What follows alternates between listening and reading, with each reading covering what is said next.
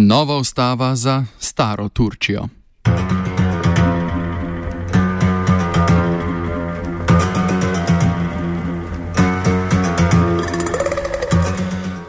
Turški predsednik Recep Tayyip Erdoğan je včeraj v svoj kabinet prejel dokument ustavne reforme, o kateri so turški poslanci dva tedna razpravljali in jo izglasovali.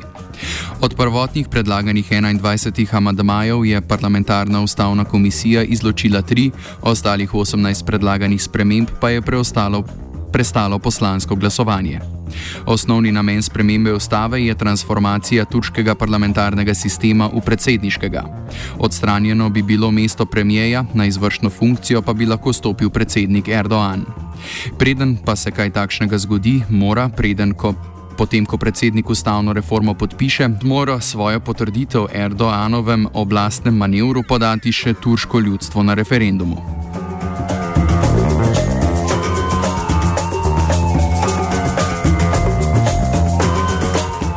Morda uvedba predsedniškega sistema sama po sebi ne bi bila nič posebnega, vendar aktualna turška ustavna reforma predsedniku daje obsežnejša pooblastila, kot to velja za ostale države, kjer glavna funkcija predsednika ni zgolj reprezentativna.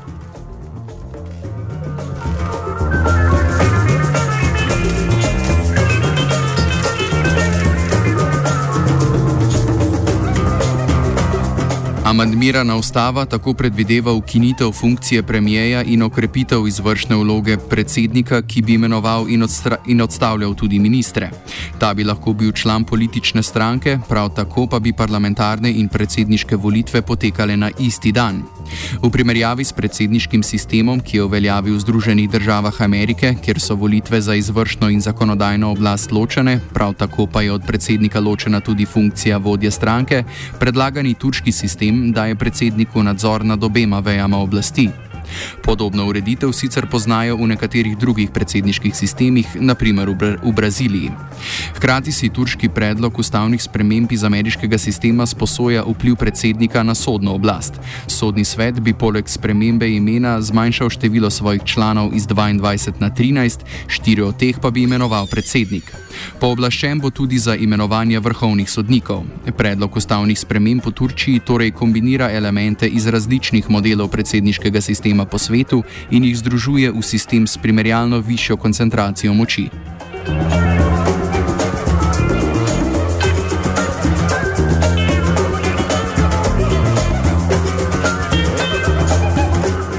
Svoje videnje tekoče turške tranzicije v predsedniški sistem pojasni Joannis Grigoriadis z Nemškega inštituta za mednarodne in varnostne zadeve. The key issue here is the rise of the president into a very strong position. For example, the office of the prime minister is to be abolished. So Turkey will no more have a prime minister after the introduction of this constitution. I already mentioned the partisan character of the presidency, which is something which is also quite novel and controversial from a constitutional point of view.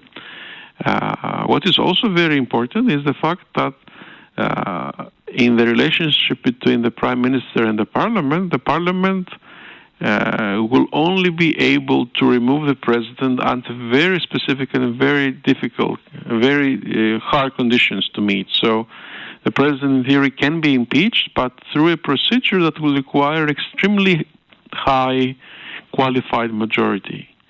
While the president will be in a position to call for early elections, so that he sack the parliament, without having to meet these uh, uh, high standards, as, and uh, without having to give a reason for what he is doing. So, in many ways, uh, this decision is quite a controversial one. So, the president will be uh, acc- accumulating a very significant amount of power.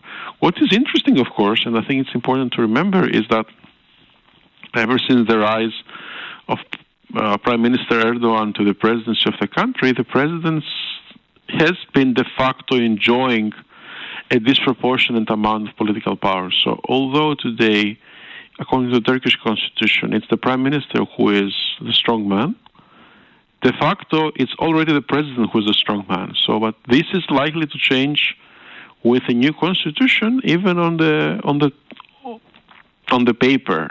So, in a sense, the new constitution will practically confirm a de facto situation which Turkey has been in for the last couple of years. Ustavne spremembe zadevajo tudi spremembe trajanja mandata. Ta bi sedaj na mesto štirih trajal pet let, predsednik pa bo lahko na tem mestu opravljal tri izvoljene mandate. Več pojasni Sivan Said z Univerze v Exertu. And one of the interesting points within this kind of change and reform that can be seen is that uh, from 2019, this one will be implemented. And the president can re elect himself or herself for next two times.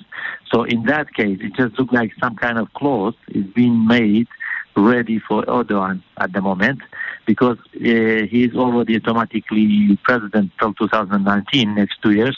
And from 2019 and another two uh, uh, rules going to be 2024 and 2029, at least for next 10 years as well. He can be a president if he's going to win the election, and obviously, under the circumstances that we can see in Turkey nowadays, it can be uh, very much winning. And so he is aiming at being a president again uh, after next two terms, which is going to be next 12 years.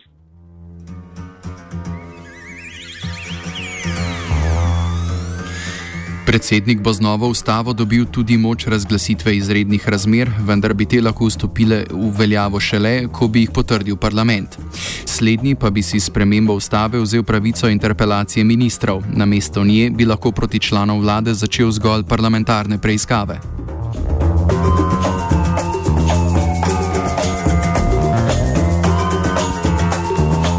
Erdoanova stranka Pravičnost in razvoj oziroma AKP sicer nima zadosti svojih poslancev, da bi ti izglasovali ustavne spremembe. Zakaj takšnega je bilo potrebno sodelovanje stranko nacionalističnega gibanja? Če tudi med obema ne obstaja zgodovina sodelovanja, je vodstvo nacionalistov svoje simpatije proti AKP začelo izkazovati po slabem volivnem rezultatu na ponovljenih volitvah novembra leta 2015. It's not only happening in the last few months. I can highlight uh, a convergence at least until the elections of uh, uh, the second election of uh, like the last year. So the, the, Turkey had a double election year. So in uh, by November, it was clear that the MH, the AKP was shifting closer towards positions and views of the MHP. So, in many ways, this has led to a convergence of policies. And apparently, the government party, the, uh, uh, President Erdogan, is able to exercise his influence uh, upon the leading uh, cadres of the party. And uh, no matter whether this uh, convergence is likely to cost politically to the MHP, they're still willing to work together with Prime, with President Erdogan and AKP because apparently they think that this alliance is uh, able to promote the key items of the MHP agenda. Vendar pa sodelovanje med AKP in MHP ni minilo brez notranjih sporov pri zadnjih volitvah. Spomnimo, da so lani spomladi znotraj te stranke potekala ostra nasprotovanja zbliževanju z AKP. Ta trenja so rezultirala v poskusu izvedbe izrednega kongresa, s katerimi je del članov poskušal zamenjati Erdoano naklonjeno vodstvo. Poskus izvedbe je onemogočila policija, ponovno izvedbo volitev na izrednem kongresu pa je kasneje onemogočilo sodišče. Vodstvo stranke je tako ostalo na oblasti z njenim dolgoletnim predsednikom Devletom Bakčeljem. Znotraj stranke je sicer ostala manjšina, ki je glasovala proti ustavnim spremembam, vendar pa je pomembnejše dejstvo, da je prav AKP tista, ki se je v zadnjem letu ideološko močno približala tej nacionalistični stranki. Of course, such a major support move by the MHP implies the existence of political deal. It is important to highlight that over the last years, the AKP has shifted its political uh, attitudes and its policies much towards the far right of the Turkish political spectrum. So, for example, its new uh, attitude on the Kurdish issue that uh, doesn't support conflict resolution anymore, but foresees a violent military solution to the Kurdish question, it used to be a typical MHP position, which has now been adopted by the government, or even uh, this sort of uh, very harsh treatment of dissidents or limits in the freedom of expression were issues in the agenda of MHP, which were not adopted by the AKP until recently.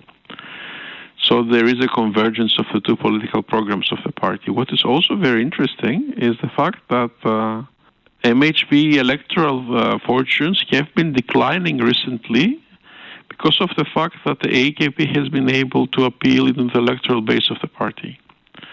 And this has generated a lot of concerns within the party administration, but not as far as the party president is concerned. So the party now is facing a split.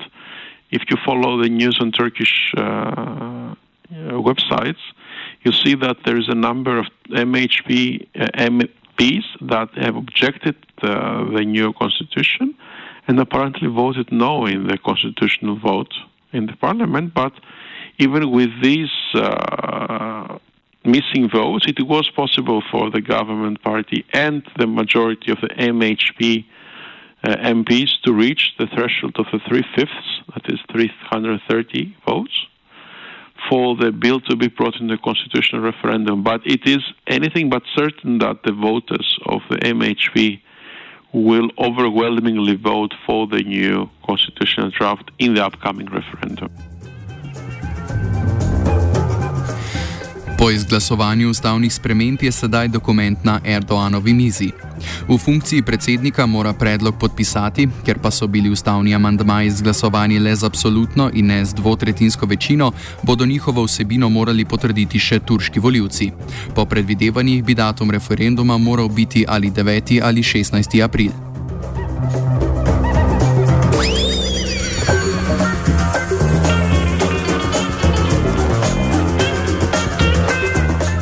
Vladna stran je pred samim referendumom poskrbela, da se je znebila močne opozicijske kampanje proti ustavnim spremembam. Najpomembnejšim predstavnikom in poslancem prokurdske stranke HDP je bila namreč že pred časom vzeta imuniteta. Novembra lani je bil proti 15 poslancem tako izdan nalog za aretacijo, devet od njih pa je bilo zaprtih. Podobno usodo deli še več lokalnih predstavnikov te stranke.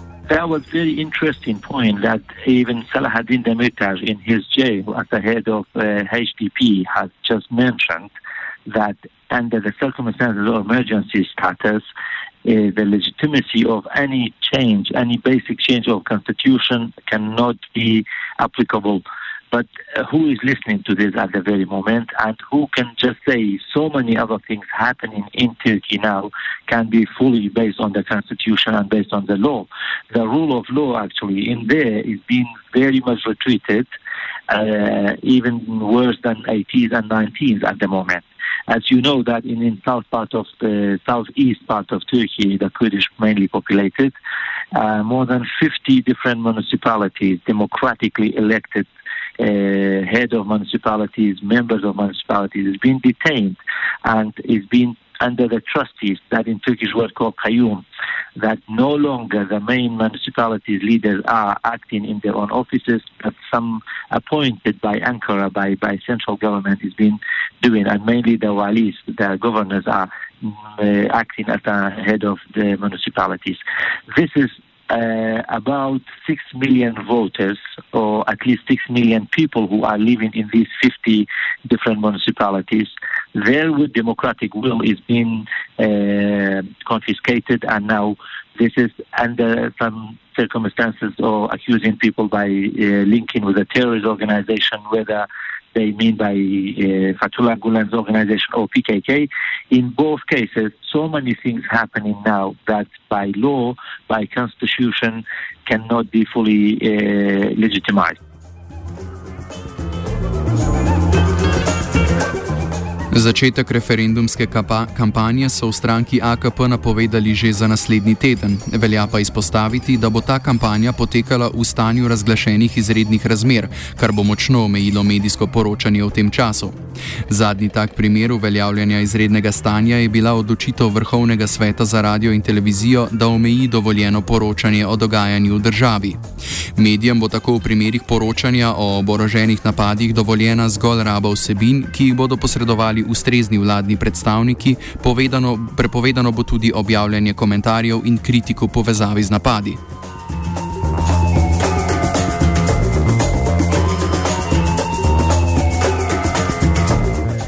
Na vkljub ustrajanju reči pa Taipa Erdoana, da v državi uvede predsedniški sistem, ljudstvo v potrditvi novega sistema ni enotno.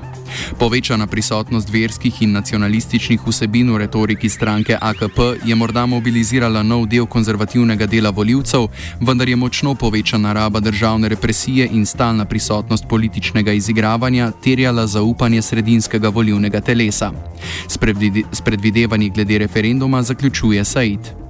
In Turkey nowadays, the situation is crucial enough that people cannot democratically or freely challenge in this undemocratic action. Therefore, so-called democratically, they're going to change this democracy to dictatorship because the point of uh, the free will is going to be under the threat.